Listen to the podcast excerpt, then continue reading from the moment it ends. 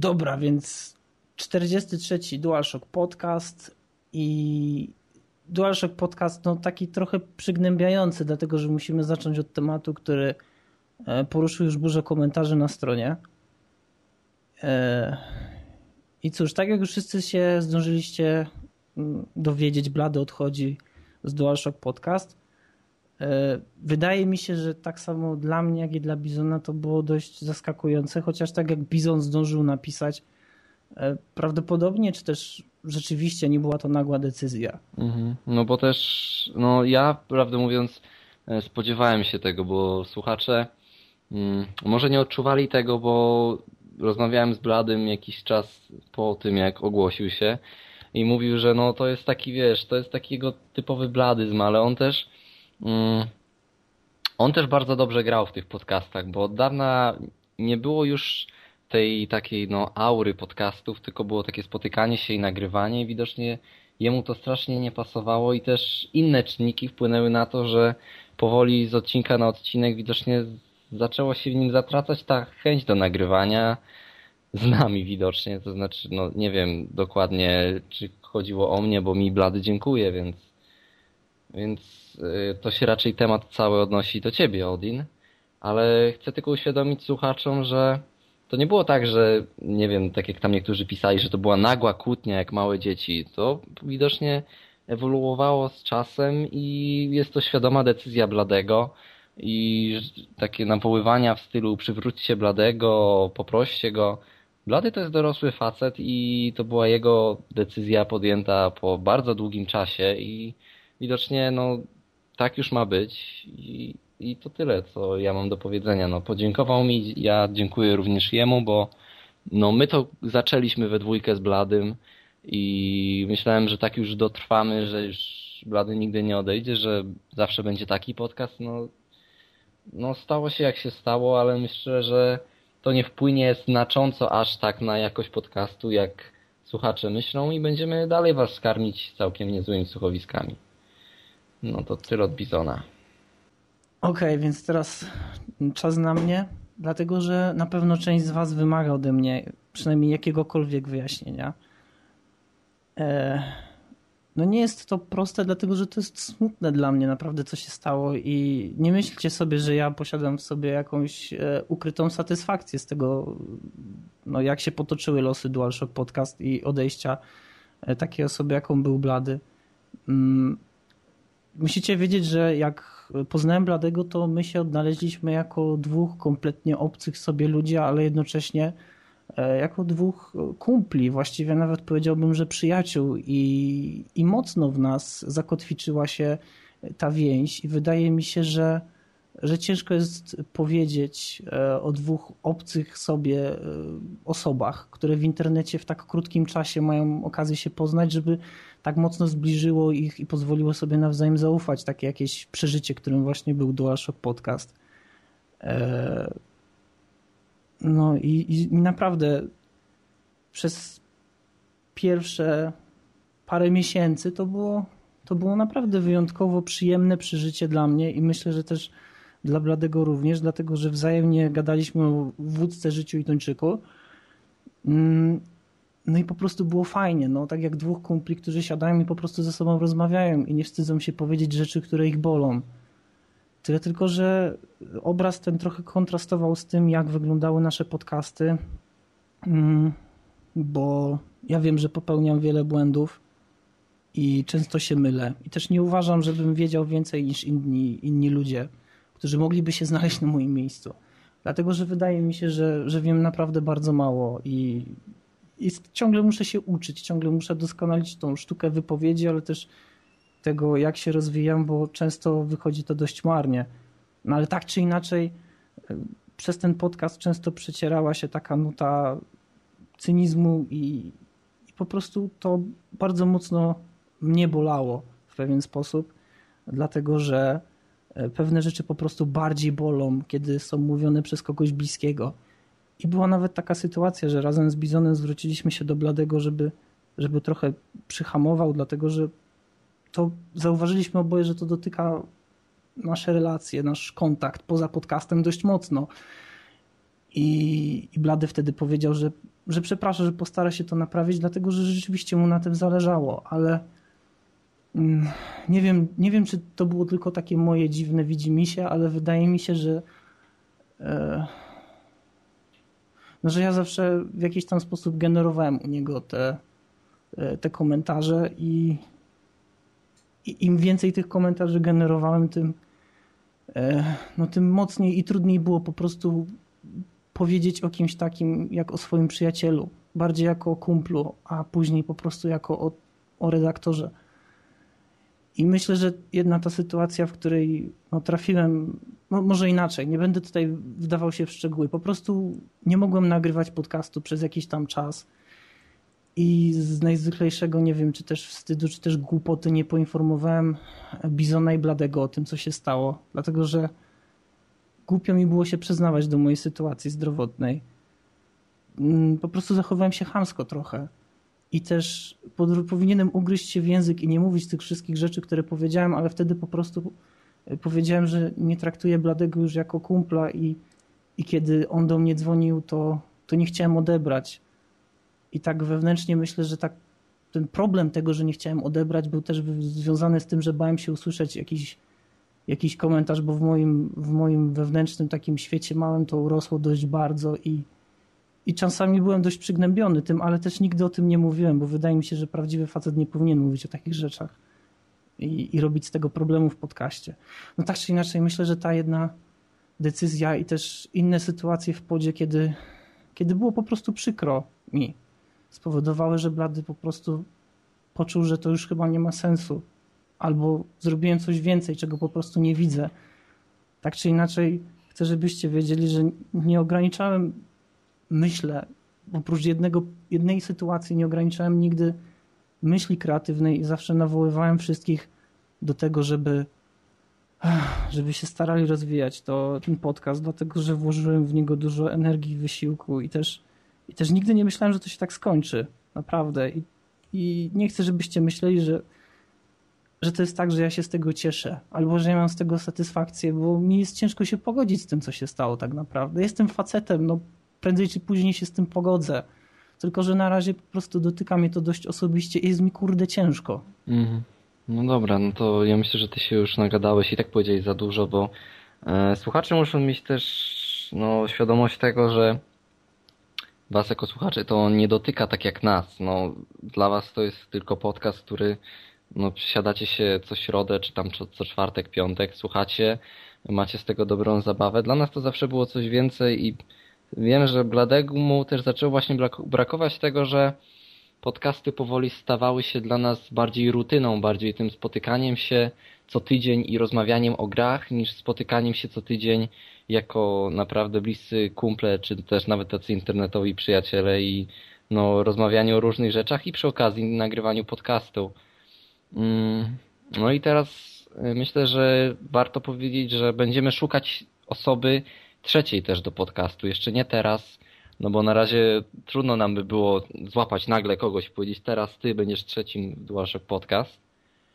Ale myślę też, że nawet jeżeli ktoś z was słuchaczy chce wskoczyć teraz na trzecie miejsce w DualShock Podcast, to czeka was bardzo trudne zadanie, bo raczej jasne jest, że Blady nie wróci, więc jeżeli ktoś będzie trzeci, to będzie na nim ciążyć straszne jarzmo tego, że on nie będzie jedynie trzecim w DualShock Podcast, ale przede wszystkim ludzie będą się spodziewać tego, że on będzie tym, który zastąpi Bladego.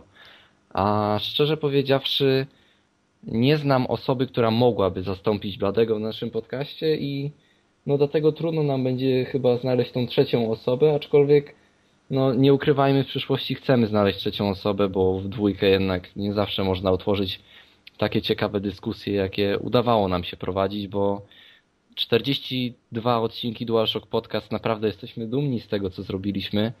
I myślę, że ten 42 odcinek w moim no, subiektywnym odczuciu to jest jeden z najlepszych odcinków, jakie zrobiliśmy i tak jak ktoś ze słuchaczy napisał, to jest godne pożegnanie się Bladego z podcastem i no mimo wszystko życzymy Blademu wszystkiego najwspanialszego w nowej drodze życia wolnej od DualShock Podcast. No bo, no bo tak, no, no bo, no bo czemu nie? No i to chyba tyle od nas, prawda? No tak. Okej, okay, no to teraz trzeba będzie przejść do DualShock Podcast odcinek 43. Okej, okay, no to może po tym nieco smutnym wstępie przejdziemy do no, DualShocka, no bo świat się nie kończy, DualShock idzie dalej. I zaczniemy już bez wstępu z newsami, bo przeczytacie sobie to sami w newsach. Zaczynamy od pierwszego tematu newsowego, czyli licznika, który podobno wybija czas do pierwszego trailera Modern Warfare 3 i choć Activision już teraz przyznaje, znaczy przyznaje, Activision mówi, że to jest fake, że tak naprawdę ten licznik został zrobiony przez kogoś tam, nie przez nich, to dziwna jest sytuacja, bo podobno to było tak, że link do tej strony został zapisany na nieśmiertelnikach, które zostały wysłane do tych no, największych stron internetowych, czy też największych tych portali i gazet. I po prostu mhm. prasa miała do tego tylko dostęp przez jakiś czas. Więc jeżeli nie zrobiło tego Activision, to trochę trudno mi uwierzyć, że ktoś zrobił akcję, która zakraja no, o taką dużą skalę, żeby tylko, wiesz, zrobić sobie jakiś tego typu fake. No, to jeżeli, wiesz co, wydaje mi się, że to nie może być fake, dlatego że ten zegar, tak jak teraz przed chwilą przeczytałem, on odmierza czas do e, konferencji Activision na zbliżających się targach GDC. No tak.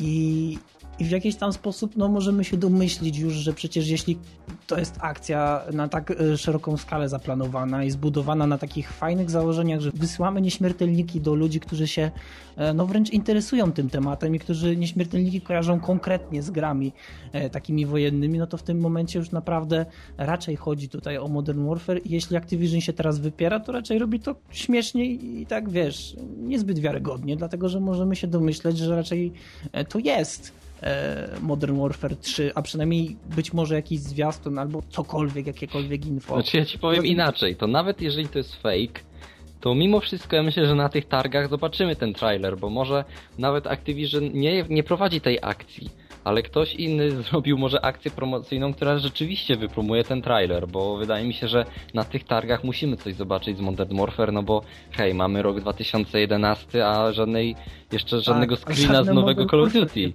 Dokładnie.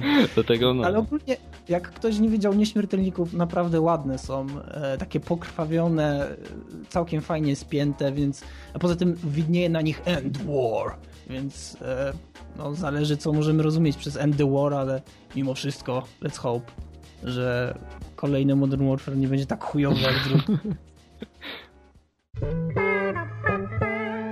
Okej, okay, więc wszyscy kojarzymy Mortal Kombat, prawda? Tak. Bardzo fajna gra. To mówimy w co drugim podcaście. No. no, edycja kolekcjonerska jest zajebista i nie można po prostu powiedzieć inaczej, dlatego że te figurki, które tam dostajemy po prostu wyglądają świetnie. Tak czy inaczej. E, jeśli mieszkasz w Australii, a prawdopodobnie nie mieszkasz, no to niestety nie będziesz mógł zagrać Modern, pfu, w Mortal Kombat. Modern Warfare to nawet lepiej dla mieszkańców Australii. No to oni by dziękowali, tak czy inaczej. E, no Mortal Kombat niestety zostaje zbanowany w Australii. Teraz ciekawi mnie dlaczego, bo zwykle kiedy mieliśmy do czynienia z grami, które były równie krwawe, na przykład jak Left 4 Dead 2, to w tym momencie mieliśmy po prostu wersję, która no, nie miała krwi i wyglądało to szczerze powiedziawszy śmiesznie, ale mimo wszystko można było w to grać. E, w tym momencie gracze w Australii no, nie mogą nawet liznąć Mortal Kombat, dlatego że sklepy odwołują preordery, wszystkie zamówienia internetowe zostają anulowane. No, dziwne jest to zachowanie, szczerze powiedziawszy, dlatego że no, nie spodziewałem się, jeśli już przepuszczamy Left 4 Dead, gdzie naprawdę liczba tej krwi i tego brutalnego zabijania tych zombich, odstrzeliwania czaszek, rozwalania żeber, odcinania rąk siekierą jest po prostu E, epicka, no to w tym momencie mówimy o Mortal Kombat, gdzie zwykle te uszkodzenia ciała nie są ostateczne, a dotyczą tylko i wyłącznie końcowych fatality. Nie wiem. No ale Australia zawsze była taka restrykcyjna, jeżeli chodzi o gry. Nie wiem skąd to się u nich akurat bierze, że na przykład, no bo Australia zawsze będzie trochę zależna od Wielkiej Brytanii, jako no ta ich kolonia, nie? Tym bardziej, że oni tam wyznają też królową, ale wiesz, chodzi o to, że Australia jest strasznie restrykcyjna i u nich na przykład nawet takie gry jak y, Reservoir Dogs albo nie wiem, mm, Manhunt, no okej, okay, Manhunt jeszcze rozumiem, że był zbanowany, no tak, aczkolwiek później chyba wyszła jakaś specjalna edycja i nad tym właśnie się zastanawiam, czy może... Strzelałeś kwiatkami, tak? Zamiast siatek, którymi dusiłeś ludzi, nie wiem, miałeś, miałeś cukierki, które oni zjadali się. Nie, ale naprawdę nie. są takie gry, które nie są aż tak, nie wiem, niesamowicie brutalne, a zostały tam zbanowane. Przykład Dark Sector, który nie wyszedł w żadnej innej wersji, tylko został całkowicie zbanowany, gdzie Dark Sector, myślę, nie wybija się brutalnością ponad na przykład Gears of War. Bo... Dobra, pytanie, Dragon Age był w Australii? Na pewno był. No właśnie był. A przecież już kiedyś już poruszaliśmy ten temat, że tam zabiłeś królika i chlust wiadro na twarz.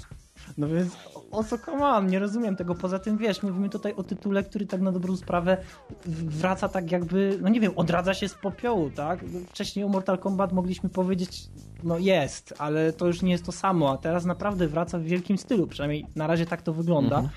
No i ciężko mi zrozumieć, dlaczego ta komisja w Australii nagle zamiast e, ratingować tę grę po prostu na plus 18, no, zabrania każdemu, nawet dorosłemu graczowi, który po prostu. No ale to jest głupie, nie? To właśnie tak. to, o tak. czym ty mówisz, że nawet mając te ograniczenia wiechowe, że tylko osoby powyżej 18 lat mogą tę tą grę kupić i w nią legalnie grać, no to w takim razie czemu jeszcze nam coś odejmować, skoro na całym świecie to wszystko jest? Tym bardziej, że Australia ma jeszcze inny problem. Tam jest nie tylko cenzura, ale niektóre gry, tak jak na przykład seria Guitar Hero, nigdy nie dochodzą do Australii. Czy nie, przepraszam, Guitar Hero dochodzi, nie dochodzi Rock Band. Pomyliłem się. I na przykład w Australii nie kupisz Rock Banda drugiego, no bo zwyczajnie go nie ma, no więc... No nie, no kurwa, no to teraz... tak, także Australia jest dziwna pod względem Ej, gier. ale ostatnie, ostatnie wersje Rock Band były chujowe, musimy to przyznać, naprawdę. Nie pogrywa. Dobór zespołów mieli beznadziejny. No, no to okej, okay, Rock Band Green Day, dziękujemy. Okej, okay, dzięki, dzięki. Mówiliśmy ostatnio o tym, że Bizarre Creations zostało rozwiązane i płakaliśmy to? nad tym. Wiem o co tu chodzi. Ale nie ma co płakać, bo to nie jest tak naprawdę koniec Bizarre Creations, bo nazwy może już nie ma, ale byli pracownicy Bizarre Creations utworzyli właśnie studio Lucid Games, które jest no jakby pod wsparciem ze strony Liverpool Vision i teraz oni mają niby tą swoją kreatywną wolność, o której tak często mówiliśmy. I na razie mamy tylko stronę internetową, która no jest stroną tytułową, nic na niej nie ma, no bo chłopaki dopiero co zaczęli pracować nad grami, ale podoba mi się bardzo hasło, jakie tam widzimy. We cre- no, uwaga. We create for fun, quality and simplicity. It's how it makes you feel that matters. Czyli ja widzę to w ten sposób, że oni mówią prosto, że my tworzymy gry, które mają być zabawne i mają być dla graczy, a nie tworzone dla pieniędzy, jak to robiliśmy dla Activision, bo ja myślę, że e, na przykład to, że Bloodstone nie było grą tak dobrą, jaką mogło być, wynikało też z tego, że Activision na pewno cisnęło ich z terminami. I myślę, że teraz Mojant... Ja bym się nie zgodził. A... Bloodstone był naprawdę fajny. Okay. Jedyny problem Bloodstone był taki, że ono nie miało kampanii reklamowej, którą mógłbyś porównać z Mass Effectem. No. Naprawdę. Dlatego, że jeśli mówimy o Bloodstone, to ja myślę tutaj o recenzji, która się pokazała na Game Trailers. Zaraz była wypchana przez jakieś inne, mniejsze superprodukcje Game Trailers. E, I szczerze powiedziawszy, niewiele osób, e, które na przykład wchodzą na tą stronę, było w stanie w ogóle się dowiedzieć, że istnieje taki mhm. tytuł. Bo ja wiem, że ktoś. Tak, dokładnie. Ja wiem, że ktoś może pamiętać, że istnieje taka gra, ale mimo wszystko, jak wchodzi na jakąś dużą stronę takiej wielkiej korporacji, jaką jest Game Trailers już teraz, i nagle, wiesz, dowiadujesz się tylko, że jest, ale mimo wszystko to gdzieś tam znika, to do powiedzmy no, pewnego procentu graczy to w ogóle nie trafi. I to jest trochę dziwne zachowanie, dlatego że ta gra naprawdę nie była zła. Ona może była E, może tak. E, inteligencja przeciwników była po prostu tragiczna. Ale mimo wszystko fajnie się grało. Nie, no to była fajna gra do grania. To nie było nic wybijającego się poza średnią, nie była niesamowita, ale studio ma ambicje i potrafi tworzyć gry i teraz myślę, że uwalniając się spod Activision, no właśnie, to też jest ciekawe, ile oni tak naprawdę dostaną teraz budżetu i na przykład co będą tworzyć i czy będą to gry też licencjonowane, czy nie to się dopiero okaże, no bo Lucid Games dopiero co powstało, ale ja trzymam kciuki, że chłopaki rzeczywiście pokażą, że potrafią robić gry bez wsparcia ogromnego pieniężnego Activision i bez ogromnych licencji, tak jak Bloodstone. Poza tym mają, no slogan mają trochę lepszy niż EA Sports to the game. game. Dobra, więc Socom for Navy Seals, albo tak jak niektórym jest znany ten tytuł Special Forces. Pokazały się dwa trailery. Hmm, ale to dobre jest, bo się pokazały dwa trailery, które jakby pokazują nam dwie zupełnie inne gry i z jednego tak, możemy one się... się wyważają. Z jednej strony trailer jest dobry, a z drugiej strony jest chujowy, ciągnie w dół i to tak jakoś, wiesz, się poziomuje ładnie. No, no to rozwiń, rozwiń. Pamiętacie, jak był reklamowany Socom? Było e, The Corp... Nie, przepraszam. Team play is what it matters. Ogólnie rzecz biorąc chodziło o to, żeby w trybie kooperacji współpracować ze sobą i organizować wielkie zasadzki, ogólnie epickie pojedynki, ale nie, to co do tej pory zobaczyliśmy na tym filmiku, e, to tak na dobrą sprawę jest Gears, mi tam kolwiek... Ale ja ci powiem jeszcze inaczej, przepraszam, że ci się wetnę, ale e, ten filmik kooperacyjny z Sokoma, który my widzimy, to jest po prostu czterech chyba graczy, którzy biegną od osłony do osłony i strzelają. Oni nie robią. To jest cholernie nudne, ale wiesz dlaczego Gearsy się dobrze sprzedały? Dlatego, że oprócz tego, że ta gra bywa nudna, to tam przy okazji masz coś takiego, że przywierasz do tej osłony i, i, i Luka zrobi i zaczyna strzelać. Ale to też jak to wygląda, jak dla mnie animacje, jakie ta gra prezentuje są sztywne i w porównaniu właśnie do Gearsów, gdzie Markus, nie Lukas, przybiera A, no do tej tak. ściany, wiesz, uderza, uderza całymi plecami, że normalnie czujesz to uderzenie i ta ciężkość broni i ciężkość tej postaci. Tutaj to wygląda po prostu no jak z gry, która powstała parę lat temu i jeszcze dokładnie nie wiedziała jak ma wyglądać gra oparta głównie na tych założeniach cover systemu. No nie ma tej kooperacji takiej jak my byśmy chcieli, tego nie wiem, flankowania, wiesz. Pamiętasz, a pamiętasz początkowe trailery, jak to fajnie wyglądało? Jak robiliśmy podcast o tym, mówiliśmy, że to naprawdę fajnie wygląda, że nam się to podoba, się, że Sokom czwarty będzie naprawdę dobrą grą. no, I teraz, I teraz pokazał się trailer, który na dobrą sprawę utwierdził nas w przekonaniu, że nie, zrobiliśmy was kuja. Ale! Ale otóż mamy Special Forces, czyli tryb Białego Tygrysa. mm. I teraz co w tym trybie jest? No ten tryb ty, typowo stealth action jest i on wygląda mi bardzo jak Splinter Cell. Może nie dokładnie tak samo jak Splinter Cell, ale wygląda obiecująco, bo mamy to skradanie się nie oparte typowe na skryptach, tak jak to było w Call of Duty, że mamy tylko ten tryb stealth, który jest jakby narzucony skryptowo, że o teraz odskocznie od tego, że cały czas biegamy i strzelamy, teraz się trochę poskradamy, ale całe skradanie będzie polegać na tym, że my wam tu walniemy parę takich skryptów, że tu wam zaraz podejdzie strażnik, tu będzie to, tu będzie tamto. Na razie na filmikach prezentujących stealth gameplay z Sokoma widzimy grę, która no, jest stealth, ale też nie daje nam takich typowych skryptów, które pokazują ci teraz idź i go zabij, teraz idź i zrób to, teraz idź i zrób to. Widzimy tutaj tą, no, naszego gracza, który tam jest y, reprezentowany przez tą kobitkę z karabinem i to rzeczywiście wygląda w bardzo fajny sposób, taki typowo Splinter Cellowy. Mamy to, że ona się podkrada do kogoś i dźga go nożem i chociaż jest, Mm. Ale cho- Ale widziałeś to, Ale- jedno ale słuchaj, ta anima- w ogóle ta animacja jest taka nieporadna trochę, nie ma tej dynamiki niesamowitej. Tak, tak. Nie ma, nie No wiem, to- jak dla mnie to nie wygląda nawet tak typowo, ja, wiesz, ja się nie znam na tej technice wojskowej, ale dla mnie to nie wygląda super realistycznie, tak jak ona to robi, ale To znaczy, ja nie, ja nie znam techniki wojskowej, która każe ci wbijać nóż w krocze. To jest takie dziwne, w sensie, że nie krzyknąłbyś, gdyby ktoś ci wbił nóż bojowy w krocze. Ja nie wiem, ja bym zaczął się drzeć jak pojebany. chyba, że straciłbyś przytomność z bólu. A no, też, prawda. Może to jest jakaś inna taktyka, ale samo to, że tutaj mamy takie skradanie, no typowo splintercellowe, że ona musi na przykład poczekać miejscami, aż strażnik zmieni swój tor tego chodzenia, że rzeczywiście pojawiają się takie typowe, wiesz, strzały takie dla osłony, po prostu strzelasz strażnikowi, który gdzieś tam sobie stoi na wieży i obserwuje, strzelasz mu w głowę, żeby po prostu, wiesz, żeby nie było tego efektu, że on później gdzieś, gdzieś tam zauważy. I tak samo Tak. ważne jest, z tego co widać, ważne jest też przenoszenie ciał, żeby nikt ich nie O. zauważył, więc Dokładnie. to jest taki typowo taktyczny stealth, który mi się bardzo podoba i z którego już zrezygnował na przykład Splinter Cell, więc jeżeli ten element będzie rozwinięty w Sokomie czwartym, no to to jest już jeden z tych, znaczy prócz kooperacji, nie? Zapomnijmy o kooperacji, jest chujowa. Okej. Ale, ale elementy stealth w tej grze jak najbardziej mi się na razie z filmików podobają. Mhm. No i też właśnie jak ja widziałem ten filmik, to też tak sobie myślałem, będzie przenoszenie ciał, czy nie będzie przenoszenie ciał? I nagle jest. I ogólnie filmik od razu wygląda lepiej. I tak jak powiedziałeś, to jest proste. To nie stara się być jakoś specjalnie utrudnione, ta gra po prostu realizuje pewien projekt, swój założenie, że po prostu ma się dobrze grać. Tutaj mamy po prostu dobrą grę. E, To, co mnie do tej pory dziwi, po obejrzeniu tego filmu, to fakt, że babka, która przechodzi po wodzie, nie wydając żadnego dźwięku, a na mostku dosłownie metr wyżej stoi strażnik, który rozmawia przez telefon. No. Ja myślałem, o co come on? No. Ja myślałem, że ona będzie rzeczywiście robić powolne kroki, żeby nie było żadnego Nie, ona zapierdziela tam na kuckach po prostu do przodu, więc...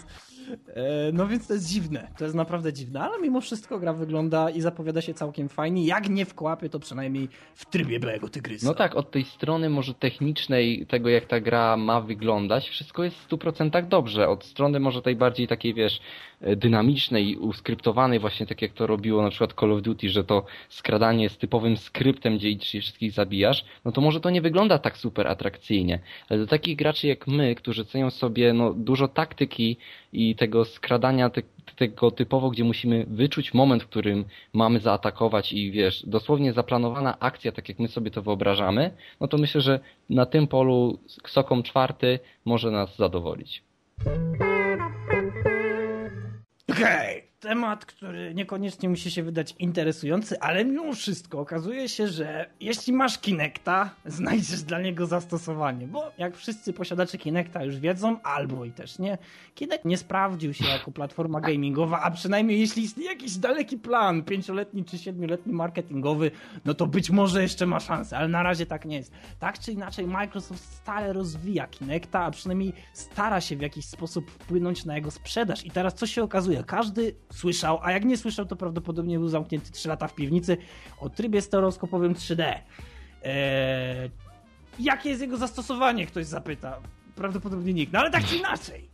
E, jakie jest jego zastosowanie? Otóż jeśli mamy dwóch graczy, to ktoś kiedyś wpadł na pomysł, słuchajcie, jeśli te telewizory odświeżają 600 razy obraz na sekundę, to być może udałoby się zrobić coś takiego, że na tym samym telewizorze mogłoby grać dwóch graczy, w trybie split screen nie widzieć tego, co widzi jego kolega.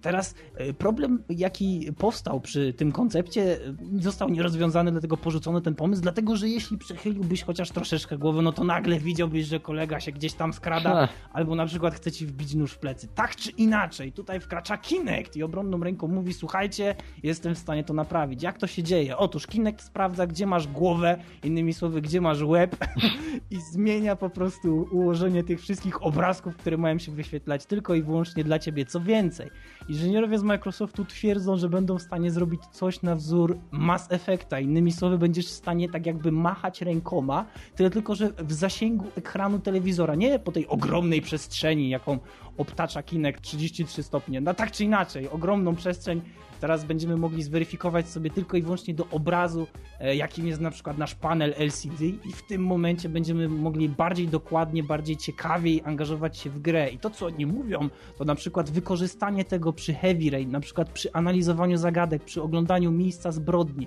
że kiedy podchodzimy do telewizora, to obejmujemy więcej tej, tej całej scenerii. Czy to jest takie fascynujące? W sumie nie, ale mimo wszystko ciekawe zastosowanie, dlatego że zgnoiliśmy Kinecta kiedyś. No zgnoiliśmy, musimy się do tego Oj, tak. przyznać no i Kinect stara się i trzeba to docenić, bo może mu się kiedyś uda. No okej, okay, ale ile możemy, wiesz, wysłuchiwać Microsoftu i mówić, okej, okay, poczekamy na to, poczekamy na tamto.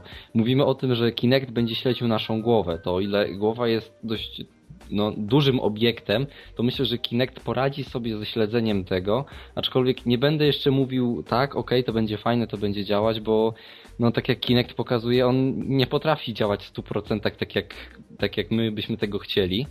I też myślę, że o ile sama ta technologia tego, że my możemy grać na jednym ekranie podzielonym i nie widzimy tego, co robi nasz kolega po drugiej stronie, no to to jest super.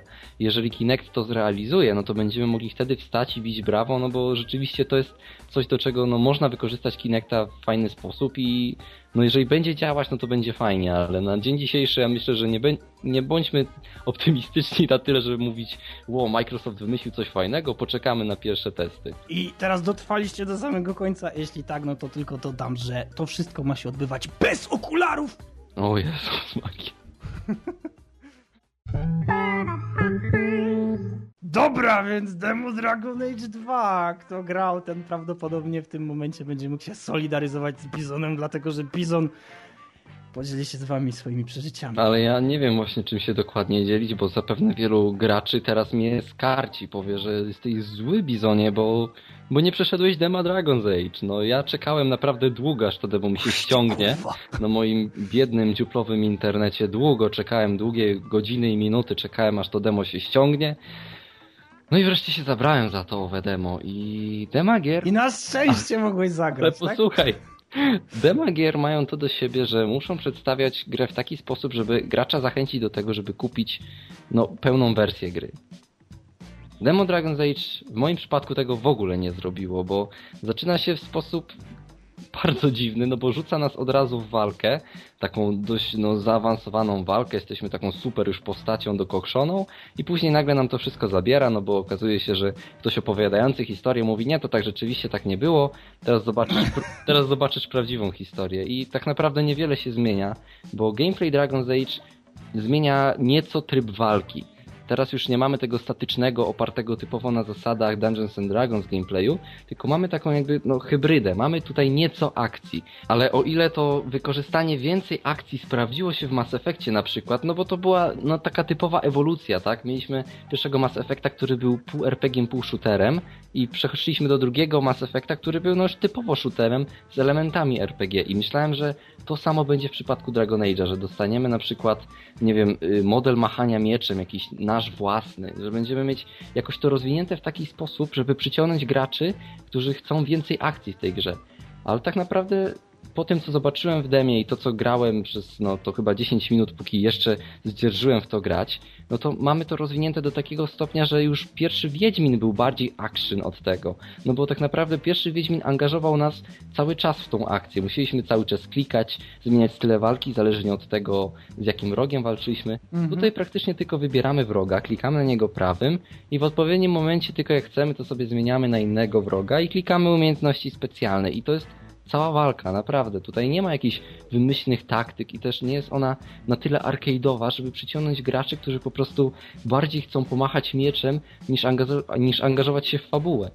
I teraz kolejna rzecz, demo w ogóle nie daje nam dostępu do ekwipunku. Ono mówi, nie, to jest demo i dosłownie wchodzisz w ekran ekwipunku, masz napisane, że niestety, bardzo nam przykro, ale w wersji demo nie masz, nie masz dostępu do tego, do ekwipunku. Pre-order now!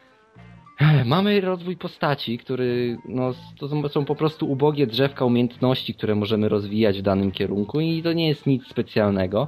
I nie wiem, czy to jest tylko w moim odczuciu, ale y, ta walka z bossem, która polega na tym, że my klikamy na niego raz i nasza postać w niego ciacha, ciacha, ciacha, ciacha i my tylko raz na jakiś czas używamy umiejętności specjalnej i to trwa chyba z 2-3 minuty, kiedy patrzymy tylko na to, jak nasz wojak uderza w niego. No bo ja gram akurat wojakiem, bo innych postaci mi się nie chciało sprawdzać, ale ten wojak tłucze w niego tym mieczem, cały czas powtarzając jedną animację. Babką czy facetem? O, facetem. Ach. Po prostu nie kumam tej gry, naprawdę. Tym bardziej nudno. Tym bardziej, że animacje same w tej grze nie zachwycają i nie wiem, czy to jest tylko problem mój, ale ja biegnąc tam w którymś momencie, biegnąc po tym pustkowiu, nagle zauważyłem, że wrogowie typowo się respawnują przede mną. Po prostu nagle tak, ping, tak. ping, ping, ping, ping. Po poja... tak, oni się pojawiają. Oni się no. pojawiają nagle i biegną w moim kierunku i to biegną w jakiejś takiej tak dziwacznej animacji, która wygląda jak przyspieszona w Berlin Hillu. Po prostu nie wiem, do mnie Dragon's Age drugi zupełnie nie przemawia, bo ile ten pierwszy był takim jeszcze klasycznym podejściem do RPG, do jakiego no, BioWare nas przyzwyczaiło przez te wszystkie lata, kiedy robiło Baldur's Gate i tego typu gry, no to mhm. Dragon's Age 2 stara się zrobić coś więcej, ale myślę, że to jest za mało, żeby przyciągnąć ludzi, którzy chcieli więcej akcji i za dużo zmian, żeby ci, którym bardzo podobał się Dragon's Age i jego forma pierwszej części, do tego się przyzwyczaili i powiedzieli, że to jest ta gra, na którą czekali. To nie jest ani z jednej strony dobre, ani z drugiej, przynajmniej w moim odczuciu muszę się z tobą zgodzić, tyle tylko, że ja bardziej teraz, skoro już e, ogarnęliśmy temat samego gameplayu, to ja mogę powiedzieć bardziej, jak wygląda coś poza walką. No jest zajebiście nudno. Ale no, e, przepraszam, Odin, że ci się wetnę. Rozmowy i to, jak, jak nasza postać się wyraża, kiedy my mu dajemy jakąkolwiek y, kwestię do powiedzenia, no to jest chyba tak jak Blady mówił, że ludzie od tekstur z Mass Effecta robią scenariusz do Dragon's Age. Ja to tak rzeczywiście widzę. Jest, jest oprócz tego już nawet samo zwiedzanie tego, tego świata, który jest w Dragon Age, on jest po prostu brzydki i on nie wygląda ładnie. Ja nie wiem, jaki był w ogóle pomysł, jaka była idea, żeby zrobić demo, które w całej swojej tej koncepcji ma przecież zachęcać cię do zakupu. Tak jak powiedział wam Bizon, to demo nie zachęca do zakupu, a tym bardziej jeszcze bardziej odpycha cię, dlatego że Dragon Age jest nudny Tak jak w pierwszej części były takie przebłyski, e, kiedy na przykład e, wchodziłeś na tą wielką latarnię, żeby dać sygnał oddziałowi, który czekał gdzieś na uboczu i czułeś jakieś takie, wiem, poczucie obowiązku, że jednak coś musisz zrobić. To tak jak wam mówi Bizon, tutaj nagle się dowiesz, nie wiesz, w sumie to nie jest prawda, to jest zupełnie coś innego.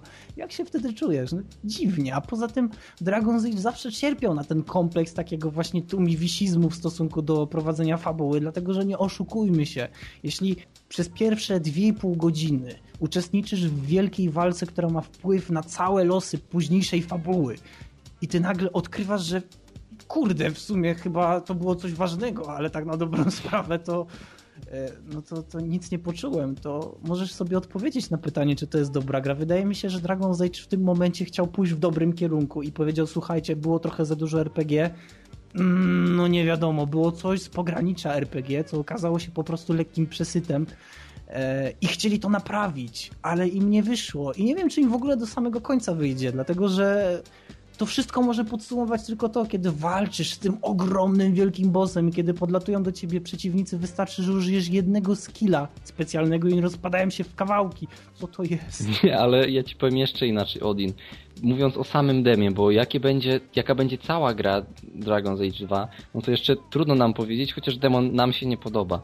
Ale samo demo powinno się zaczynać, nie wiem, jakoś prosto, nie wiem, w jakiejś karczmie, dajmy na to, że możemy z kimś porozmawiać przed akcją, możemy zrobić w tej grze coś, co będzie bardziej nas skłaniało w tą stronę RPG, a demo się zaczyna od akcji, po tłuczeniu się mamy chwilę rozmowy, dosłownie minutę albo pół minuty, znowu akcję, znowu akcję. Ja po prostu po tych 10 czy 15 minutach akcji powiedziałem, no nie no, to ściąganie tych 2 giga jednak poszło na marne, ale na plus zaliczam to, że demo jest w polskiej wersji językowej, więc uh, Krew była? cieszmy się. O Jezu, w ogóle ile w tej grze jest krwi, Jezus Maria, jak oni się rozpadają na takie plamy krwi, że to powinno być od razu Australia powinna zrobić ban, ban. Dokładnie. Ale tego nie zrobili, nie zrobią, widzisz. No tak czy inaczej, życzymy Dragon's Age powodzenia. DualShock Podcast Not Approves. Po raz pierwszy. po raz pierwszy. Nie, ogólnie rzecz biorąc, nie podoba nam się to. Okej, okay, znów mówimy o Sony, znów mówimy o Sony i dzisiaj Odin mówi nam o kolejnym przypadku pozwu sądowego dla, na jakiegoś biednego gościa, który po prostu sobie piracił gry. Odin, do it. Nie, właśnie widzisz, tutaj wychodzi cała specyfika tego dziwnego zachowania Sony. Aleksander Engorenkow pochodzi z Niemiec i ów człowiek zajmował się tylko i wyłącznie tym, aby na swoim egzemplarzu, tylko i wyłącznie swoim egzemplarzu e, zmusić PS3 do tego, aby obsługiwał Linuxa i zgadnijcie, udało mu się. O, jest Linux samo zło. Tak, tylko że w jakiś cudowny sposób Sony dowiedziało się o tym, ale dowiedziało się o tym i tak ich to wzburzyło, e, że uwaga, uwaga, wysłali oddział antyterrorystyczny do biednego Aleksandera, który siedząc w gaciach i popierając kolej musiał otworzyć gościom w balistycznych okularach z MP5 wycelowanymi w jego twarz. Tak czy inaczej zabrali wszystkie artykuły elektroniczne w jego domu e, i oczywiście wystosowali pozew. Tak czy inaczej, mm, została mu wymierzona kara w wysokości, uwaga, jednego miliona euro. Tak. E, czy to wymaga jakiegoś komentarza? Ja jestem zdziwiony e, zachowaniem Sony, dlatego że. Mm, aha, i ta w ogóle ta historia się jeszcze nie zakończyła, dlatego że okazało się, że jeszcze parę osób miało dostęp do plików, do których miał dostęp ten pan Aleksander. E, I wyobraźcie sobie, że te pliki zostały wypuszczone, zresztą nawet nie z jego powodu, to nie była jego decyzja, one zostały wypuszczone w sieć, dlatego że po prostu, wiecie, walczmy e, z korporacją, walczmy z machiną, precz systemem. E, no i Sony jest wkurzone. To tym bardziej zmotywowało internautów do tego, żeby rozplewić to całe oprogramowanie po sieci i teraz je obojętnie na jaki torrent wejdziecie, jednym z top 50 na pewno znajduje się oprogramowanie, które pozwoli zmusić waszego playaka do obsługiwania Linuxa. No co o tym myślisz, Bizon? Dlatego, że sytuacja jest dziwna. Ale ja myślę, że ty może tak nie zachęcaj do ściągania tych torrentów, bo jeżeli ktoś... Nie, nie, broń Boże, wiesz, broń Boże. Jeżeli jutro się obudzisz ze swatami u siebie pod drzwiami, no to wiesz, nie miej później pretensji do Odina, nie? Jakby coś. Nie, ale prawda jest taka, że o ile ta cała akcja Sony, która była przeciw hakerom, którzy łamią te wszystkie zabezpieczenia dla piracenia gier i innego oprogramowania, no to to jeszcze w pewnym sensie można było zrozumieć. O tyle karanie kogoś milionem euro za to, że chciał wprowadzić Linuxa na swoje PlayStation 3, no to no to już jest troszkę za dużo. Mówiliśmy, że za dużo to było już to, że oni ścigają tych ludzi za to, że ma, właśnie piracą swoje konsole, ale już bez przesady. Może, nie wiem, może Linux powinien się teraz wypowiedzieć w tej sprawie. Ale to nie jest koniec, dlatego że jak dobrze wiemy, istniał sobie kiedyś taki człowiek, który mianował się e, przezwiskiem Geohot w sieci i cóż on zrobił? No, on robił reverse engineering e, instrukcji do procesora. Innymi słowy, zmusił playaka bez e, właściwie z pominięciem jakiegokolwiek software'u, jaki moglibyście tam wcisnąć do robienia pewnych rzeczy. E, long story short. Pewnych sprośnych rzeczy. nie, nie, no w sumie mógł. Trafił do aresztu i została wystosowana kaucja, żeby go zwolnić, i mnóstwo ludzi rzuciło mu się na pomoc. E, I prawdopodobnie ta kaucja już została spłacona. Niestety ja nie mam newsów na ten moment, czy rzeczywiście się udało, ale myślę, że się uda. E, no i co to pokazuje? Pokazuje to tylko to, że internauci potrafią się po prostu zebrać w kupę i walczyć przeciwko czemuś takiemu. I to nie jest tak, że tylko nam się to nie podoba. Jest mnóstwo ludzi, którym to przeszkadza. I nawet jeśli możemy mówić, że e, kupując PlayStation 3, to nie jest tak, że my jesteśmy jej właścicielami, bo być może tak nawet jest ale tak czy inaczej mm, istnieje pewien taki, ta, ta granica przyzwoitości, po której przekroczeniu ludzie zaczynają się po prostu burzyć i, i to pokazuje tylko i wyłącznie tyle, że w internecie są ci ludzie, którzy są w stanie stanąć naprzeciwko Sony i powiedzieć słuchajcie, no nie pozwolimy na to. A dodając do tego więcej, e, te konta, które e, wpłacały poprzez PayPal e, na inne specjalne konto założone przez Gohota, aby aby wyzwolić go właśnie z tej władzy więziennej, czy tam w ogóle z aresztu, zostały zablokowane, więc możecie sobie wyobrazić, jak bardzo to jest zaawansowana i posunięta operacja. To już nie mówimy tutaj o zwyczajnym buncie, to jest naprawdę międzynarodowe postępowanie przeciwko ludziom, którzy starają się pomóc takim ludziom. To można naprawdę się przestraszyć, dlatego że nawet jeśli chciałbyś uczestniczyć w tej akcji poprzez wpłacanie pieniędzy, to nagle twoje konto zostanie zablokowane. To jest chore. Nie no, ale to, ta akcja w ogóle zakrawa o taką typową wojnę. Ja nie wiem, już gdzie nie włączę radio, nie włączę telewizora, wszędzie jest wojna. I teraz jeszcze w internecie jest wojna cały czas Sony i myślę, że to, co zrobili gracze, no to to jest, znaczy gracze, no ogólnie internauci, to, że zrzucili się na tą kaucję, to to jest typowy cios wymierzony w Sony. To jest typowe powiedzenie, że my nie, jesteśmy przeciwni wam, przeciwni waszej polityce i przeciwni waszej wojnie. Ale tutaj I, dobrze ale, powiedziałeś, to zrobili gracze. No ale ja się ciekawię, kiedy to się w końcu skończy, czy da sobie już spokój z tym Sony, czy dadzą spokój gracze, bo w którymś momencie ta wojna musi się skończyć, bo nie, nie, nie myślę, że do premiery kolejnej konsoli Sony będziemy mieć cały czas łamane kolejne zabezpieczenia przez kolejne haki i kolejnych hakerów i kolejne pozwy wystosowane, kolejnych ludzi w sądzie i takie właśnie sprawy, no bo ile to można ciągnąć, naprawdę.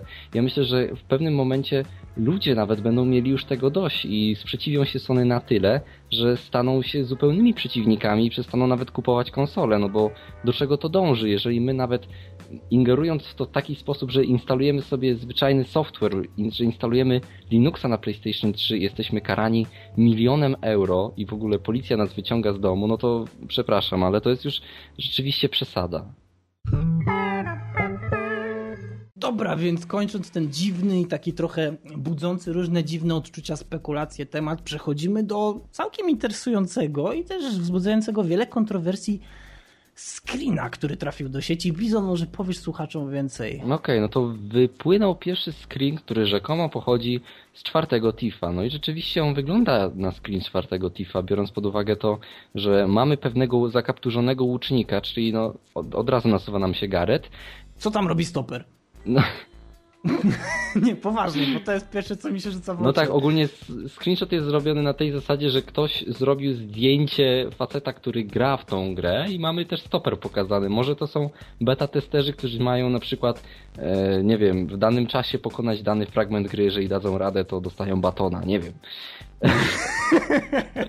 Dobrze. Ale słuchaj. Dobrze. Skąd wiemy, że to TIF? Płacą mi w batonach. Przede wszystkim widzimy tą typowo no, steampunkową jakby, steampunkowe realia tam, bo mamy y, lampy te, które wyglądają na lampy elektryczne na ulicach, ale jednak mimo wszystko mamy też łuki i chyba wydaje nam się, że tam jest facet, który stoi z mieczem w tle, więc Tak, tak. to jak najbardziej wygląda na Tifa, po realiach, po tym jak to wygląda i ludzie już zaczynają się burzyć, bo zaczynają się zastanawiać jak daleko będą posunięte zmiany w stosunku do poprzednich części, bo twórcy Tifa to są ci sami twórcy, którzy robią teraz też Deus Exa. I oni, Mhm. I oni się zadeklarowali już od razu przy Deus Exie, że oni będą robić grę, która będzie jakby odwzorowywać to, co robiły starsze tytuły z tej serii, ale też będzie nieco uproszczona na potrzeby nowych graczy, tak żeby to nie było aż za trudne, żeby ktoś Och, skak- proszę, uprośćcie to jak najbardziej. Żeby- wiesz, ktoś, kto wskakuje dopiero teraz w realia danej gry, żeby mógł się w tym łatwo, prosto odnaleźć, tym bardziej, że jest graczem no, tych konsol nowogeneracyjnych, gdzie masz po prostu press X to win, no nie? Tak, i gdyby nie miał rąk, to Ale ludzie się zaczynają zastanawiać, co będzie z tym Tiffem. I po tym screenshocie widać, że mamy trzecią osobę i wszyscy od razu jak to trzecia osoba, jak to może a być? może to jest tylko na potrzeby celowania. Ale nie, myślisz? ale to też może być, w końcu trzeci Tiff też miał tą funkcję z trzeciej osoby, która została wprowadzona pewnie głównie ze względu na to, że gra wychodziła też na Xboxa i tam tak, może taka kamera była bardziej funkcjonalna. I Mhm. jeżeli taka funkcjonalność ma być, no to czemu by nie dać tej kamery trzecioosobowej też do czwartego Tiffa? Ale ludzie się bardziej obawiają o to, jak zmieni się gameplay w stosunku do tego, jaki był już trzeci Tiff, który chciał jakby otworzyć się na bardziej free roaming, że pokazywał nam bardziej otwarte miasto i o ile wtedy to się nie sprawdziło, bo kolejne jakby części miasta były doczytywane, o tyle dzisiaj myślę, że przy dzisiejszej technologii ja bym bardzo chętnie zobaczył Tifa w bardziej otwartym świecie, na zasadach bardziej zbliżonych do tych, które mamy na przykład w Assassin's Creed. I nie mówię o takiej już, żeby to uprościć do momentu, Potataj, potataj, dwie, dwa Ale posłuchaj, godzina, nie. kurwa. Ja właśnie nie chcę robić tak, żeby to było uproszczone do tego stopnia, że dostaniemy Assassin's Creed, które tak naprawdę nie jest ani symulatorem bycia zabójcą, ani grą typowo free roaming. Ja bym chciał, żeby Thief zostając taki jaki był, czyli typowo taktyczny, wiesz, chowanie się w cieniu, gaszenie świateł i Tak. bycie naprawdę cichym i stealthy, jako chyba jedna z niewielu gier, które to prócz Splinter Cellów od zawsze miała, no to prócz tego bardzo chętnie zobaczyłbym bardziej otwarty świat, tak żebym mógł rzeczywiście poruszać się garetem po tych ulicach, chodzić do różnych Może wybrać sobie swoją własną drogę na takich bardziej rozbudowanych zasadach, że nie jesteś ograniczony zawsze do dojścia No tak, i mm, w to wyznaczone jedno miejsce, tylko i wyłącznie jedną drogą, tylko że raz po lewej, raz po prawej, raz pod drzewem, raz w krzaku, tylko bardziej wiesz, wybrać sobie tak ogólnie, że na przykład ulicami, albo dachem, albo nie wiem, po gzymsach, cholera wie, ale tak czy inaczej to by było, to by było ciekawe. Ale nie, słuchaj, nawet Thief drugi, którego ja się zagrywałem, miał jedną misję, która, jedną albo dwie misje, które działy się właśnie jakby na ulicach miast, miasta i mogliśmy się poruszać dość swobodnie. I tam na przykład bardzo podobał mi się motyw, w którym było po prostu to, że mogliśmy wejść komuś do mieszkania w nocy, komuś kto na przykład spał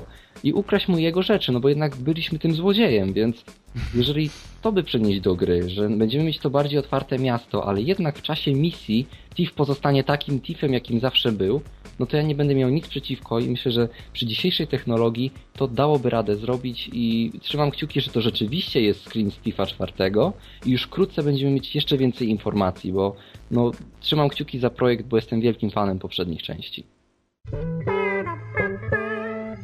Okej, dawno nie było już w naszym podcaście nic o Wiedźminie. Więc Hmm. mamy nowe filmiki z Wiedźmina, mamy chyba 10 minut nowego materiału i naprawdę porównując materiał z Wiedźmina do tego, co na przykład widzieliśmy z Dragon's Age, Dragon Age? no to rzeczywiście Wiedźmin rządzi i mamy taką polską chlubę i mamy o czym dzisiaj z Odinem mówić. Tak. Więc może zacznijmy od samego początku, bo ten trailer tak jakby dzieli się na takie trzy części konkretne, czyli e, pierwsza część to jest kiedy Geralt sobie idzie, druga część kiedy walczy, a trzecia część kiedy jest sobie w karczmie i tam zajmuje się karczemnymi zajęciami. Zacznijmy od tego. Zajebista muzyka, no naprawdę piękna. Ja nie wiem, e, czy no dawno w trailerze, takim zwyczajnym, nie słyszałem tak dobrej muzyki. E, w Wiedźminie jest naprawdę rewelacyjna. Znaczy, nawet nie jest wprowadza- trailer, tylko to jest taki, no, a, przepraszam, gameplay właściwie. no taki no. deweloperski, wiesz, deweloperzy się chwalą, co to my mamy w tej grze. Tak, i, i wiesz co, i, i oni się chwalą, ale też mają czym. Dlatego, że naprawdę, zacznijmy od muzyki. Ona wprowadza taki spokojny, sielski klimat. Mi się naprawdę bardzo podoba, kiedy gra potrafi samą muzyką wprowadzić mnie w taki stan, no powiedzmy, lekkiego otępienia, kiedy ja siedzę, trzymając myszkę i klawiaturę, czy tam pada obojętnie i po prostu wczuwam się, nawet nie grając, kiedy patrzę. Mhm. I akurat ten gameplay e, to osiąga. Może przejdźmy dalej, może będziemy się tak wymieniali argumentami, bo to też nie ma sensu, żebym ja zaczął gadać. Grafika, mogę powiedzieć coś o grafice? Śmiało. Jest piękna, jest po prostu... Boże, jeżeli ktoś... Rzeczywiście oni się chwalili, że to będzie najładniejsze RPG, jakie było. Rzeczywiście tak jest. Jeżeli to porównacie z Dragon Age'em, no to rzeczywiście Dragon Age jest y, no, typowo multiplatformowy, więc też nie może być nie wiadomo jaki piękny, żeby konsole mogły go pociągnąć. Ale... O, nie przesadzajmy, konsolom się zdarzało pociągać lepsze tytuły, naprawdę. Dragon Age jest po prostu kiepski. No tak, ale Wiedźmin, sam Wiedźmin My widzieliśmy niedawno screenshoty w naprawdę wysokich rozdzielczościach i mówiliśmy mhm. sobie, że nie, te screenshoty są poprawiane, rzecz jasna, że wiesz, mamy tu wygładzanie, to mam to. Trochę, może chociaż trochę. Na pewno są poprawiane screenshoty, ale to jak gameplay się prezentuje, to też robi wrażenie. Ja osobiście patrząc na to, ja uważam, że to jest zbliżone już do animacji takich, jakie my oglądamy rzeczywiście w kinach, gdzie mamy już tą mhm. animację robioną typowo na potrzeby tego, że to ma być film. I może... Motion capture jest świetny to tam. No i może nie jest to tak fotorealistyczne, jak mamy na przykład w Crysisie drugim ustawionym na maksymalne detale, no bo też gra myślę nie stara się osiągać aż tyle, no bo wtedy ta konwencja fantazy nieco by poszła, wiesz, w kąt, no bo stawialibyśmy na ten fotorealizm. Ale to jak Wiedźmin się prezentuje typowo właśnie, typowo fantastycznie, chodzi mi o te światła, wiesz, o to przyciemnione, takie ciemne, pomarańczowe światło karczmy, albo te cienie, które padają w lesie przez, przez te drzewa i przez to wszystko. Naprawdę pięknie odwzorowane niebo, jak już idzie ten Wiedźmin przez tą osadę gnomów i patrzy w niebo i poruszają się pięknie chmury i oświetlenie też jest zależne od tego, jak poruszają się chmury. Jest masa rzeczy, które po prostu pokazują, że Wiedźmin pod względem technologicznym jest najlepszym RPG, jakie powstało i te filmiki każdy filmik, który wychodzi, jest na to dowodem. Mhm. No i też ja muszę dodać ze swojej strony, że to, co mi się strasznie spodobało w Wiedźminie i to, o czym ty powiedziałeś, ale tak jakby pozwoliłeś temu przemknąć, to jest fakt, że to oświetlenie, które jest w Wiedźminie i to, w jaki sposób Wiedźmin się prezentuje, e, to strasznie gra na moich wspomnieniach, jeśli chodzi o stare RPG. Dlatego, że jest pewien schemat kolorystyczny, który strasznie mi się kojarzy z pewnymi tytułami, na przykład z Morrowindem albo z Gotikiem II. I Wiedźmin jest, no, uderza po prostu w te schematy kolorystyczne. Ja widzę kolor tych desek, kolor drzewu, drzewów i, krzewów. Tak czy inaczej, nie wiem, czy wiesz o co mi chodzi, ale to jest bardzo charakterystyczny mhm. taki sposób przedstawienia, który po prostu sprowadza tego gracza RPGowego, który po prostu no, wychowywał się na tych RPGach, no, do uśmiechu. On się zaczyna uśmiechać i ja też, kiedy to widzę, to po prostu jestem zadowolony, bo myślę sobie, e, kurczę, udało im się. Ale to wiesz, to Ale... też nie jest takie into your face, że to jest taki typowy tak, tak. plagiat, tak. tylko to ma swój własny ten wiedźminowy klimat, który Polacy sobie tworzą, ale przy tym to właśnie jest takie typowe RPGowe nawiązanie do tych właśnie głównie oświetlenia i kolorystyki. To jest coś wspaniałego, jak to się prezentuje. Idziemy dalej. E, nie wiem, czy zauważyłeś, jak prezentuje się teraz, e, nie wiem, czy można tak powiedzieć w ogóle, ale lokowanie na postacie, dlatego, że na filmiku widzimy takie przyjemne, małe znaczniki nad głowami postaci, które sugerują ci, że jesteś teraz e, konkretnie zapatrzony na tą postać i że możesz rozpocząć z nią interakcję. Mi się to podoba, dlatego, że to jest subtelne. To nie jest tak, że na przykład na ziemi pojawia się wielki okrąg świetlisty, który ci sugeruje, tak, możesz podejść, coś zrobić. Nie to jest taki mały znacznik, który tam jest. On jest taki dystyngowany, mały, subtelny i ty wiesz, że już w tym momencie ta postać jest tak jakby z tobą w pewnej takiej, nie wiem, synestazji, że możesz ją kliknąć, możesz do niej zagadać. E, więc to jest bardzo fajne, dlatego że mm, wiele gier RPG robi ten błąd, że oprócz cudownej prezentacji graficznej, audiowizualnej, etc., e, interfejs gry jest po prostu brzydki, mhm. a w Wiedźminie on wygląda naprawdę ładnie. Tak, i nie jest taki przekokszony, jak to było w pierwszym Wiedźminie, że naprawdę Oj, tak, trudno się tak. było... ekran medytacji był zajebisty po prostu. Ale nie, ogólnie wiesz, jak ja zobaczyłem pierwszy raz te drzewka umiejętności w Wiedźminie, to zacząłem się mhm. zastanawiać, w co ja mam kliknąć, żeby cokolwiek spowodować, nie? Ja popatrzyłem na to i myślę sobie, ty, to ja nie wiem, ja mogę już rozwijać ten piąty poziom miecza, czy jak, nie? Do dzisiaj nie wiem dokładnie, jak to do, dokładnie i dobrze działało i jak to było zorganizowane. Ale koniec końców Wiedźmin II stawia na coś podobnego jak y, było to w przypadku Mass Effecta II, czyli uproszczamy interfejs i uproszczamy cały ekran ekwipunku, ale myślę, że to wpłynie jedynie plusowo, no bo, no bo jak na razie to wygląda bardzo ładnie i nie dość, że się prezentuje, to jeszcze te uproszczenia powinny tylko plusowo wpłynąć na to, że będzie mniej organizowania tego wszystkiego, mniej wpatrywania się w tabelki, a więcej gameplayu. Tak, i teraz dalej. Wiem, przepraszam, ciągniemy ten temat grafiki, ale skoro zaczęliśmy, no to musimy dotrzeć do końca, bo to w końcu 10 minut naprawdę gęstego gameplayu, więc e, to, co dla mnie rzuciło się w oczy, architektura, która tak jakby wplata się e, w ten naturalny krajobraz. Mi zawsze przeszkadzało w pewnych grach, że oprócz tego, że mieliśmy fajną prezentację e, i wchodziliśmy do ładnego lasu, to nagle dup wyskakiwała jakaś budowla. I ona tam była. I ona tam nie pasowała a w Wiedźminie to wszystko wygląda tak, jakby tam było, tak jakby zarosło, tak jakby wrosło w ten klimat i już tam zostało, tak jakby było tam od wielu, wielu lat. I nie wiem, czy to jest przez przypadek, czy to jest kwestia tej kolorystyki, e, ale naprawdę, kiedy widzę te wielkie zwalniska kamieni, albo na przykład jakąś starą budowlę, która się już rozpada, to nie wygląda tak jak w Gotiku trzecim, bo jeśli ktoś grał w Gotika trzeciego, to wie jak to wygląda. To po prostu tekstury wyciągnięte z dupy, z dwóch różnych krajów, przez dwóch zupełnie obcych ludzi, którzy nawet nie wiedzieli, jak wygląda obiekt obok. A w Wiedźminie widać, że ktoś się nad tym zastanowił i te rzeczy wyglądają no, komplementarnie, że użyję takiego słowa, po prostu się uzupełniają bardzo dobrze. Adin, I to jest plus. Słuchaj, tak. bo mi nie wiem na ile można zawierzyć tym deweloperom, ale Polacy mówili w którymś tym swoim wywiadzie... Pytasz na ile możesz ufać Polakom? No, no. ale oni mówili w wywiadzie, że są testerzy, którzy testują grę dokładnie w taki sposób, że chodzą we wszystkie kąty jakie można przejść w grze, gdziekolwiek gracz może się udać, oni tam wchodzą i sprawdzają, czy wszystko wygląda tak, jak powinno wyglądać w świecie gry i czy nie ma elementów, które mogłyby właśnie gracza oderwać od tych realiów gry, że właśnie nie ma czegoś takiego, że nagle tam jest sadzona jakaś tekstura albo kamień, który zupełnie tam nie pasuje, tylko polscy deweloperzy chwalą się, że tam rzeczywiście przykładają do takich nawet detali dużą uwagę, na to, żeby właśnie wszystko wyglądało w tak realistyczny sposób, żebyś ty tą wizję przyjmował i wierzył, że ty jesteś rzeczywiście w tym świecie Wiedźmina. No to rewelacyjnie. No to naprawdę dobrze wróży. Tym lepiej, że widzimy ten gameplay, który też się dobrze prezentuje. Okej, okay, więc skoro już skończyliśmy temat, e, no powiedzmy, tej pierwszej części gameplay, to teraz przejdźmy do drugiej, czyli tak na dobrą sprawę walki. Co Bizon widzisz, kiedy oglądasz ten trailer? Co widzisz, kiedy widzisz? Znaczy ja widzę dużo i nie wszystko mi się podoba, bo o ile Wiedźmin robi dobrze, że przechodzi bardziej w ten arcade'owy tryb walki, to na razie nie wygląda to tak dobrze, jak ja bym sobie tego życzył. Ja wiem, że to jest dopiero alfa, ale to, co było fajne w pierwszym Wiedźminie, o ile nie można powiedzieć, że ten system walki był nie wiadomo jaki dobry, to mi, no tak. to mi się podobał. Bo fajne było to, że on był przede wszystkim płynny i płynnie wyglądał i było czuć, że Geralt jako postać, awansując w kolejnych stylach walki, rzeczywiście się rozwija i ta jego walka z postaciami to były widoczne bloki, widoczne ataki, to, że tam ludzie angażują się w walkę. Tymczasem tutaj Zdarza się tak, że gracz grając nieuważnie, po prostu no, może nie potrafiąc grać, albo może chodzi o to, że system jest jeszcze niedopracowany, bo widzimy filmik z wersji alfa, no to widać, że czasem Geralt po prostu nie trafia i to są takie, wiesz, to takie machnięcia typowe graczy, które nigdy nie dochodzą. Ale chciałbyś z tego zrobić Batmana, przyznaj się. Ja nie chciałbym właśnie, żeby to było, wiesz, zupełnie tak arcade'owe w ten sposób, że wciska jeden przycisk i widzisz animację kolejną powtarzającą się, jak on robi fajne no rzeczy. Do Batmana jeszcze dojdziemy.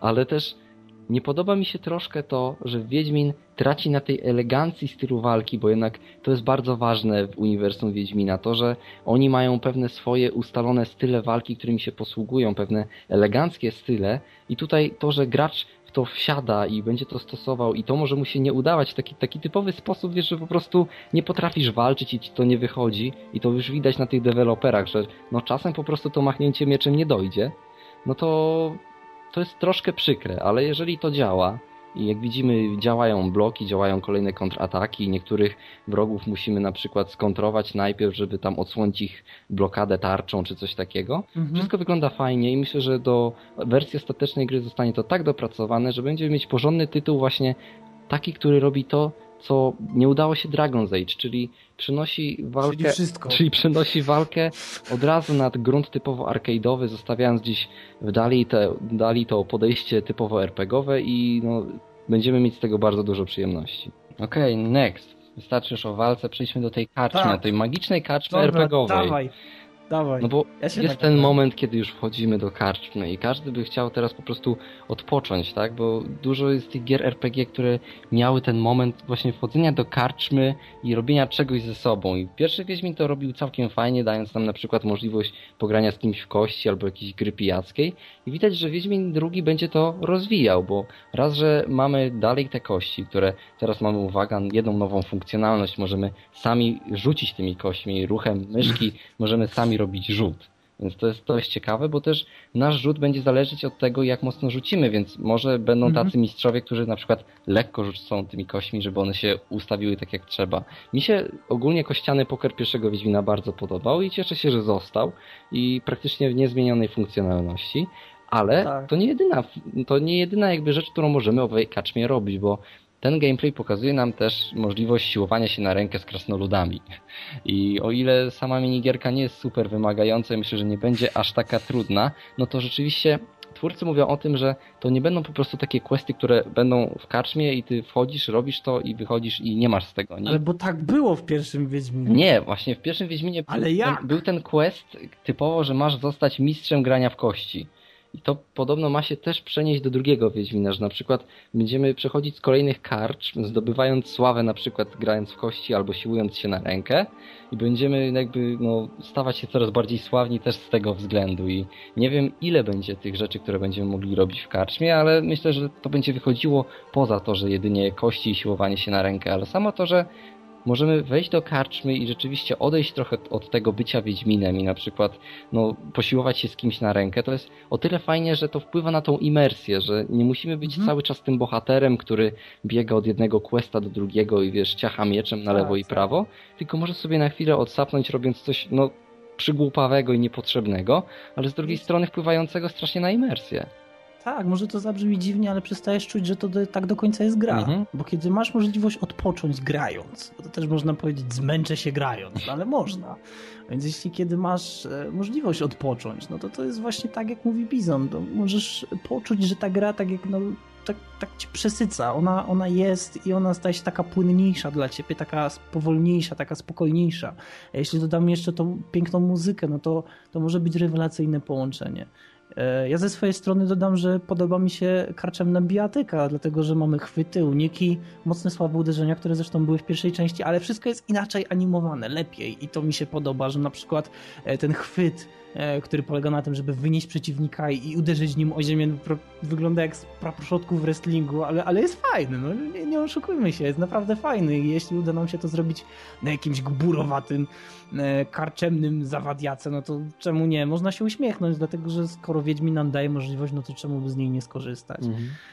E, no więc co? Więc omówiliśmy już praktycznie wszystkie te trzy części i możemy podsumowywać właściwie, że pod sam koniec Geralt udaje się na medytację i mamy piękne zbliżenie na jego całą posturę, na jego oczy, na jego, no, na jego profil właściwie i ja muszę stwierdzić, że tak jak mówiłeś wcześniej, że grafika jest piękna, e, no to trzeba się z tym zgodzić, dlatego że naprawdę widząc te tekstury, widząc e, tą tonację i, i tak jakby to wypośrodkowanie tej całej gry, że ona w żadnym momencie nie stara się być jakoś nader przesadnie zbudowana, że zawsze jest ta równowaga, kiedy patrzysz na, na, na tą posturę, na ten profil Gerarda, że to naprawdę będzie dobra gra. I, i, I oczekujemy jej, dlatego że ja na przykład chciałbym się strasznie przekonać do Wiedźmina, bo pierwszej części nie ukończyłem i mam nadzieję, że drugą uda mi się. Nie wiem jak ty, Bizon, co ty czujesz w stosunku do Wiedźmina, no ale to właściwie tyle ode mnie. No ja przechodząc z pierwszego Wiedźmina do drugiego na pewno poczuję wielkie zmiany, bo pierwszy Wiedźmin mi się bardzo podobał i nawet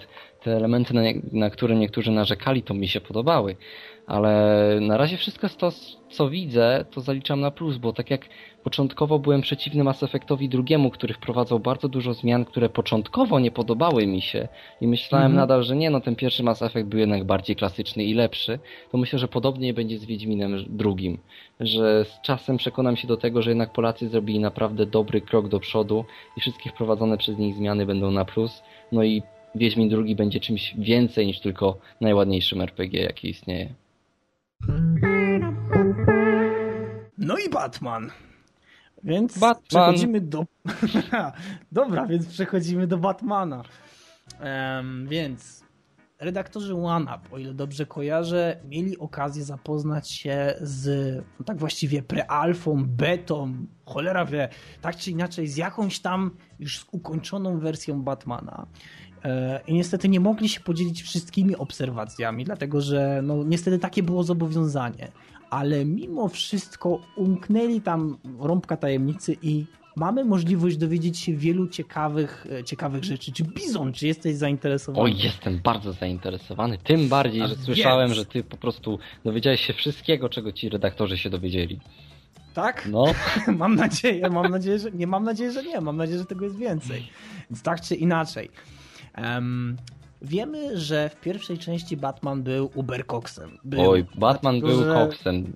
Nie było lipy, za każdym razem jak pojawiała się obojętnie jak liczna chmara wrogów, to dawał sobie z nimi radę prędzej czy później. Parę kliknięć w lewo i w prawo i już koniec.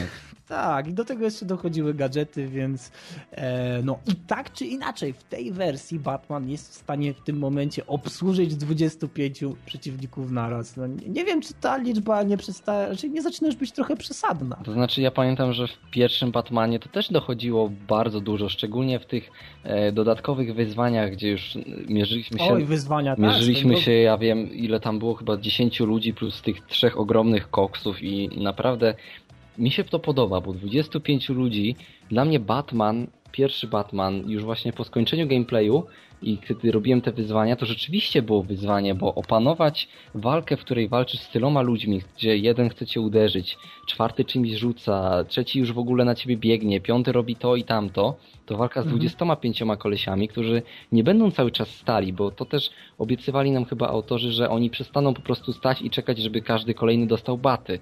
Więc jeżeli będzie 25 kolesi, będziemy musieli się orientować między nimi, wiesz, korzystać ze wszystkich gadżetów, bo tak rzeczywiście będzie. Bo ja to już widzę, że oni na to będą stawiać, bo to też chcą wypromować tym Batmanem nowym. No to dostaniemy naprawdę fajny produkt, bo ja na to czekam, bo ja lubię te wyzwania i na pewno po skończeniu Arkham City też dostanę takie wyzwania tam i będę mógł też nie pograć. Jeżeli tam będzie do 25 osób, to ja się czekam na to i już się cieszę na, tam, na samą myśl. Będziemy mogli uciec z takiej walki, jeśli nam się nie spodoba. I teraz zastanawiam mnie, jak to będzie rzeczywiście wyglądało. Czy użyjemy naszego e, wiernego takiego batrangu, żeby gdzieś tam zaczepić linkę i wciągnąć się na jakiś wieżowiec, czy też nie. Mm, czy będzie to bardziej na zasadzie takiego stealth action, że będziemy uciekać i chować się w jakichś miejscach, tak czy inaczej deweloperzy dają nam możliwość ucieczki i myślę, że to jest całkiem ciekawe rozwiązanie, dlatego że niekiedy w Batmanie mogło być to już przesadnie skomplikowane, a bardziej może nawet nie skomplikowane, co wkurzające, dlatego że chcieliśmy iść do przodu z fabułą, a tutaj znowu e, jeden korytarz pełny przeciwników i drzwi, które na razie są zamknięte. Mhm, ale ja też myślę, że to będzie na tej zasadzie, że będziemy mogli uciekać tylko z niektórych walk, a niektóre będą typowo skryptowo ograniczone do tego, że no musisz wytłuc ileś tam tych przeciwników. Oj, na pewno, ale mimo wszystko tego brakowało. Mi się tak wydaje, Mhm. jak grałem w Batmana, to naprawdę niektóre walki mogłoby ich nie być. znaczy wiesz, Batman jest uberkoksem, ale też dajemy mu możliwość właśnie ucieczki i tego, że możemy się z danej walki wycofać, jeżeli coś nam nie wyjdzie, bo w Batmanie pierwszym było praktycznie tak, że jeżeli już wpadliśmy w tych kolesi i zaczynaliśmy z nimi walczyć, no to to ukrywanie się było zrobione w taki sposób, że po prostu wiesz, gdzieś chowaliśmy się na gargulcu i nagle znikaliśmy im z, Ale niektóre gargulce potem pękały. jak do nich strzelali, ale właśnie to było na takiej zasadzie bardziej zniknięcia, wiesz. Ja bym Mhm. właśnie bardzo mi się podobało coś takiego, że moglibyśmy Batmanem uciekać i to by była rozbudowana ucieczka, w której musielibyśmy się kryć, chować, tak jak na przykład w Metal Gearach, że chowaliśmy się po szafkach, no to tutaj można by było to Mhm. rzeczywiście rozbudować do tego stopnia, że wiesz, Batman znając swoje sposoby kitrania się, to mógłby zrobić to, nie wiem, rzucając bombą tą gazową, uciekając na, jak na przykład w Assassin's Creed, nie? Prawdziwa ucieczka przed czymś, ale też myślę, że Batman jest na tyle koksem, że Ale to była spierdalałka wręcz ucieczki. Batman jest na tyle koksem, że raczej będzie wszystko okładał i to chyba tylko zależy od graczy, czy będą uciekać, czy nie. I teraz widzisz, i teraz dochodzimy do dwóch kolejnych rzeczy, czyli jeśli byśmy uciekali, to to by nastawiało troszeczkę ten świat gry na pewną otwartość. Mhm. I tutaj wychodzi jeden ogromny plus Batmana. Będą misje poboczne.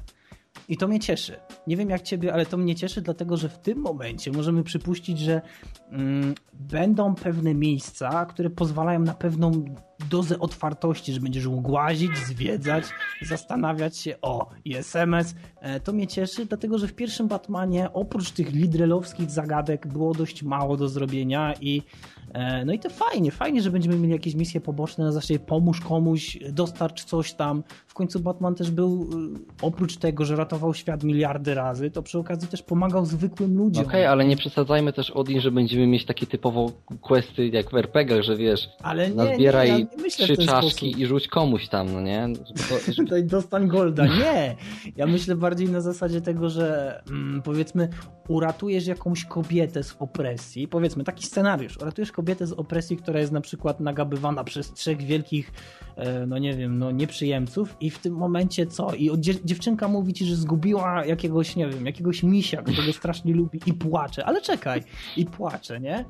No i jej matka mówi, że przestań, przestań, że idziemy się schronić na przykład do jakiegoś, mm, no nie wiem, schroniska dla tych ludzi albo do jakiegoś bunkra, który kiedyś był tam wykorzystywany w dawnych latach, a teraz jest opustoszały i skrywają się w nim jedyni normalni ludzie i ty przemierzając ten cały świat nagle znajdujesz tego miśka i możesz jego dostarczyć i może nie dostaniesz za to expa na miłość boską, ale e, to jest mimo wszystko fajne, żeby wypełnić tą jedną misję, żeby, tak jak mówiliśmy w przypadku Wiedźmina, że masz tą cholerną karczmę, do której możesz wejść, posadzić dubsko i odpocząć, tak w przypadku Batmana możesz się poczuć tym cholernym Batmanem. Nie wiem, dla mnie szukanie że... misiów jako Batman to już jest troszkę... Ale nie, nie, nie szukanie. Ale wiem, że ty po prostu natrafisz na tego misia, rozumiem, tak, rozumiem o co tak. ci chodzi, ale dla mnie to już jest i tak za dużo, bo mi się podoba to, o czym oni mówią, że o ile świat będzie nieco otwarty, to on nie utraci na tym, że będzie typowym sandboxem, że nagle utraci tą swoją świadomość Jezu, bycia nie. grą Batmanem. No bo Bro, chodzi o to, żeby to miało całą tą swoją konsystencję, że idziemy od jednej rzeczy do drugiej, od kolejnych jakby fabularnych y, momentów do kolejnych fabularnych elementów, tak żeby nam się to nigdy nie znudziło na tej zasadzie jak w Assassin's Creed, że nie wiem, musisz, wiesz, na koniec pozbierać jednak te wszystkie scrolle, nie? No to... Daj, daj, daj spokój. No właśnie. Dlatego widzisz, okay, więc nie przesadzajmy, jest... nie przesadzajmy z tym otwartym Dobra. światem, naprawdę. Okej, okay, skoro Batman jest konkretny, tak jak mówisz, w takim wypadku twórcy dali mu do dyspozycji potrójny finisher. Co tu na to? No to... Ja słyszałem, że będą podwójne finishery, ale już potrójny, no to nie wiem, Batman będzie... Jeszcze konkretnie, Ale nie? czekaj, to co, on będzie używał teraz jeszcze nóg, czy czego? Bo... Wróćmy pamięcią do The Twin Snakes. Pamiętacie wszyscy sposób e, zatrzymania tych strażników przed wejściem do, do pokoju tortur? No. no. Czy problem? Skoro Dave potrafi, no to czemu Batman by nie mógł? No Gordon musi jakoś nadrabiać, nie? Czy Gordon, co ja mówię? Bruce, Jezus Maria. Dobra, Jest tak późno. Inaczej. Jest późno, no jest późno, naprawdę. I zrobiliśmy też długą przerwę, więc e, okej, okay, więc idziemy dalej. Do tej pory zastanawialiśmy się bardzo, e, kto będzie głównym adwersarzem Batmana w Arkham, Arkham City. No i, i, i, tak na dobrą sprawę nie mieliśmy pojęcia, dlatego że raz to był Joker, raz to był Two-Face. No, nie wiedzieliśmy do końca, dlatego że twórcy cały czas igrali z nami, pokazywali nam jakieś urywki. I teraz pojawia się kolejna postać, która być może będzie głównym przeciwnikiem Batmana w tej części i będzie to Kalendarman. Jeśli nie wiecie, kto to jest, to macie do tego prawo, dlatego że to nie była jakaś postać, która się zapamiętała w serii jakoś specjalnie, a był to człowiek, który po prostu miał wielką manię na punkcie dat. I wszystkie swoje drobne przestępstwa, czy też większe, ja tak większych to właściwie nie kojarzę, ale tak czy inaczej, większe popełniał według właśnie jakichś specyficznych ustawień tych dat, godzin i tak dalej um, Bizon. No to co, co, co, co? No to mamy, jak dla mnie no to nie... Coś. Ale słuchaj, dla mnie to nie jest typowy news, że to może być jedna z tych postaci, bo tak jak ty mówisz, on jest za mało znaczący. Robiąc grę tak. takiego dużego kalibru jak y, Batman Arkham City, nie możemy go postawić jako postać tą, która będzie no, jakby tym przewodniczącym wszystkich złych i myślę, że ogłoszenie no tego, że Kalendarman będzie jak, w jakikolwiek sposób zaangażowany w akcję Arkham City, to jest raczej tylko to, że wiesz, potwierdzamy kolejnego, kolejny zły charakter w tej grze, no i to ogranicza się chyba tylko do tego, bo ja, szczerze powiedziawszy, o kalendarmenie pierwszy raz od Ciebie usłyszałem. Okej, okay, no to kończy się 43 odcinek DualShock Podcast. Przepraszamy za to, że jesteśmy nieco ospali, ale no, sytuacja jest jaka jest, nie jesteśmy super pocieszeni tym wszystkim i też no, pora jest już dość późna, wybaczcie nam i, i, i żegnają się dzisiaj z wami Bizon i Odin. No, także do usłyszenia. Czekamy na Wasze komentarze.